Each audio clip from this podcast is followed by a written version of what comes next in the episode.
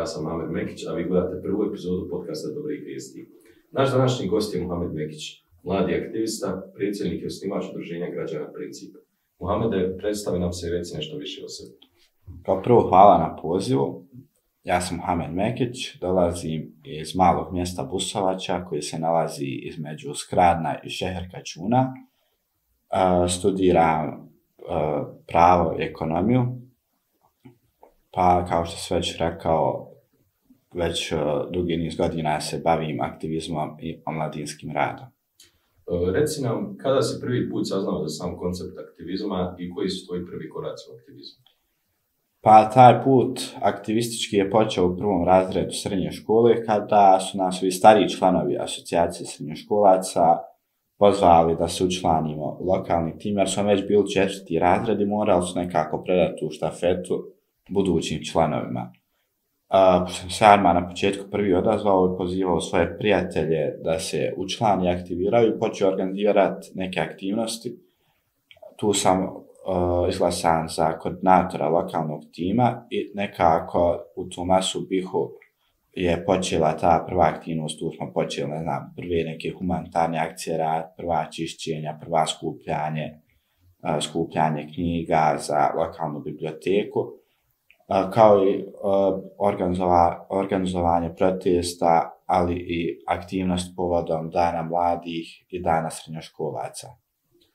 Reci nam, Kada si došao na ideju da osnuješ udruženje građana Princip, da li je to bila neka spontana ideja ili si već u prvim koracima u aktivizmu imao ideju da ćeš jednog dana formirati svoje udruženje?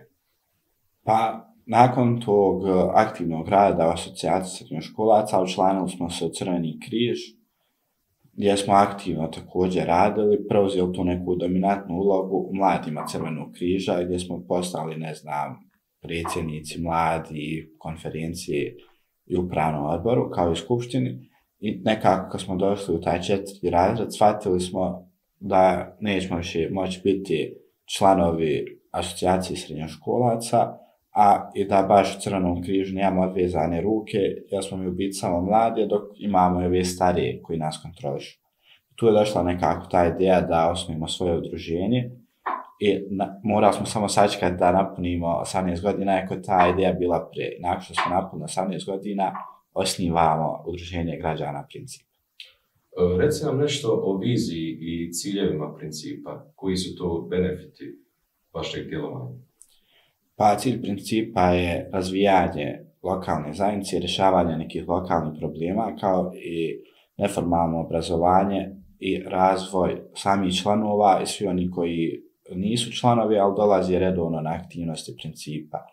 Uh, princip kroz svoj rad, koji eto, traje već e, uh, napune dvije godine, je organizovao brojne radionice na temu neformalnog obrazovanja. Uh, najčešće pre tih radionica mi izvršimo anketu vidimo šta uh, mlade zanima koje sfere bi voljeli učiti, te nakon toga angažujemo profesionalnu osobu iz tog segmenta života koji održi nekoliko radionica o, na tu temu. E, iz tvojeg odgovora bi se dalo zaključiti da preporučuješ mladima da i oni budu aktivni u svojoj lokalnoj zajednici.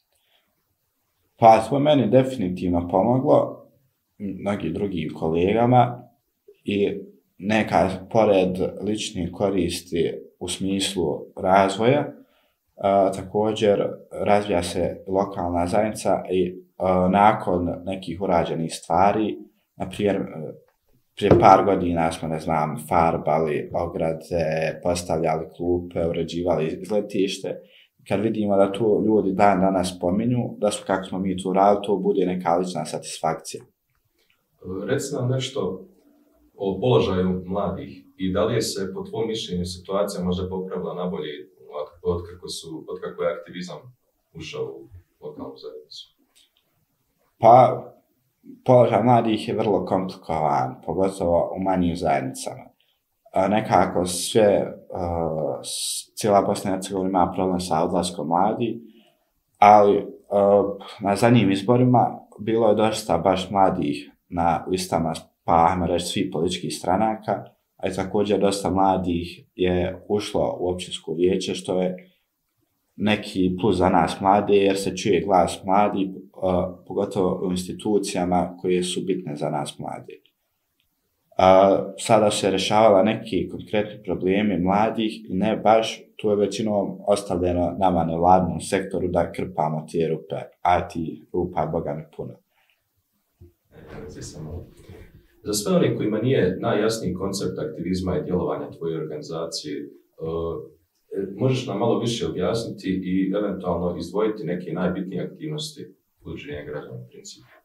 Pa već sam prvo dijelu rekao da je bit neformalno, e, da je bit aktivizma neformalno obrazovanje, napređenje mladi, ali lokalne zajednice. Ono što princip je radio, pored ovih radionica koje sam već rekao, koji su služile za napređenje mladih, koji su i članovi, ali koji samo dolaze na te radionice, princip je radio na rješavanju nekih problema koji su nalazi, e, koji su snašli mlade u lokalnoj zajednici. Pa neke aktivnosti, mislim, stvarno je dosta bilo aktivnosti koje je princip proveo ove dvije godine, ali neko najznačajnijih aktivnosti jesu te da je princip osvorio prvi centar za mlade koji je na raspolaganju svim mladima i čak nekim omladinskim udruženjima koje to želi da koristi.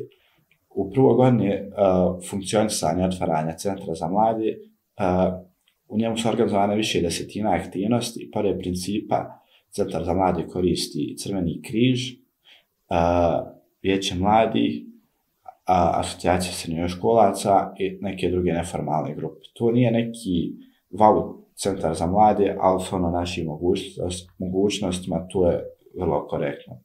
Pored centra za mlade napravili smo uh, izletište skrano, a to je dakle bila jedno jezero koje smo mi uredili i napravili neki stadion za odbojku i futbal i ono je jako posjećeno i popularno, pogotovo u posljednje vrijeme. I neka sad od zadnjih aktivnosti jeste da smo postavili tri betonska stola za stolni tenis, jedan u Busovači, drugi u Kačunima i treći u Merdanjima. Ti stolovi su na otvorenu u parkovima i u prirodi i pored toga smo organizovali turnir stolnog tenisu Busovača Open 2020 prvi, u kojem je učestvalo preko 50 mladih osoba. Možeš nam reći nešto, pošto si u jednom od prethodnih odgovora e, spomenuo neke, ajmo reći, lične koristi promjene na bolje. E, kroz kakve faze self-improvementa mogu mladi proći u aktivizmu? Pa, većina mladih, pogotovo ja, u nekom tom prijelazu iz osnovne škole u srednju školu su nekako stidni, nisu otvoreni. Meni su, na primjer, seminari pomogli da upoznajem nove ljude, povezujem se s ljudima, na primjer, danas imamo prijatelj, imam prijatelje u cijeloj Bosni i Hercegovini. Također, aktivizam je nekako otvorio zvuk neki potencijal i sad sam više mnogo pričljiv, a dakle, na primjer, prije par godina odgovor su bili da ne, to bilo tu. E, također, pored ti nekih komunikacijskih vještina, možemo da steknemo znanje iz raznih e, polja, na primjer medijska pismenost i sl. Ono što mene najviše zanimalo su organizacijske vještine i tu sam stvarno dosta napredovu i sad ukaz to mi je da smo u posljednje dvije godine kroz rad principa organizovali desetak seminara i mnogi aktivnosti koje su vezane za rješavanje lokalnih problema. Možeš li nam reći nešto o svojim planovima u aktivizmu ili potencijalnoj ekspanziji svog udruženja i samoj viziji? Pa ono što smo moji lični planovi jeste razvoj principa, a razvoj principa, uh, već sam rekao da je princip jako mlada organizacija, ne punije dvije godine, a već je postala jedna od najaktivnijih organizacija, pa ako ne najaktivnija u Busovači.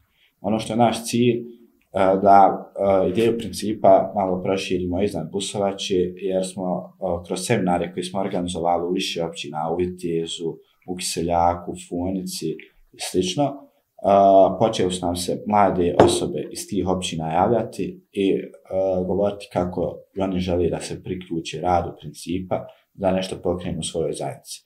Uh, trenutno princip nije definisao da li će uh, osnivati svoje podružnice u drugim općinama, ali da li će samo pomoći tim mladim ljudima da neke svoje ideje razviju, eventualno uh, osnivaju svoje neka udruženja. Pored toga, princip za cilj sljedeće godine i u nekom budućem kratkoročnom periodu ima u vidu da razvije vijeće mladih. U vijeće mladih do sad nekako bilo neaktivno i zanemareno, ali mi smatramo da to bitna institucija koja predstavlja sve mlade, a trenutno govorimo na lokalnom da ćemo mi pokušati da umrežimo sve aktivne mlade, neformalna, neformalne grupe, udruženje građana u kojima su strukture mlade i čak neke sportske klubove i možda čak srednje škole. Također, pored e, razvoja lokalnog vijeća mladi, pokušali bi da radimo na osnivanju kantonalnog vijeća mladi. E, za sve one kojima još uvijek kroz ovaj podcast nije baš najjasniji koncept aktivizma, i eventualno želi da ti postavi par pitanja u isto, možeš nam dati neki kontakt putem kojeg te pa, mogu kontaktirati. Možete ostaviti link Instagrama, Facebooka u deskripciji, Naravno. a možete i ne znam, tražite na Facebooku, Instagram, gdje, ako želite da vidite sve aktivnost koje je princip radio. Dragi gledatelji, sljedeći segment podcasta uh, se zove Politika i mladi i tu, tu ćemo vam postaviti par pitanja u toj tematici. Dakle, s obzirom da je tema se ovog segmenta politika i mladi, pa da s tim riječima i počnemo. Šta oni za tebe predstavljaju? Pa imamo tu omladinsku politiku. Omladijska politika uh, jeste upravo da se mi borimo kao mladi za ispunjenje zakona mladima koji se uh, i ne poštuje baš danas.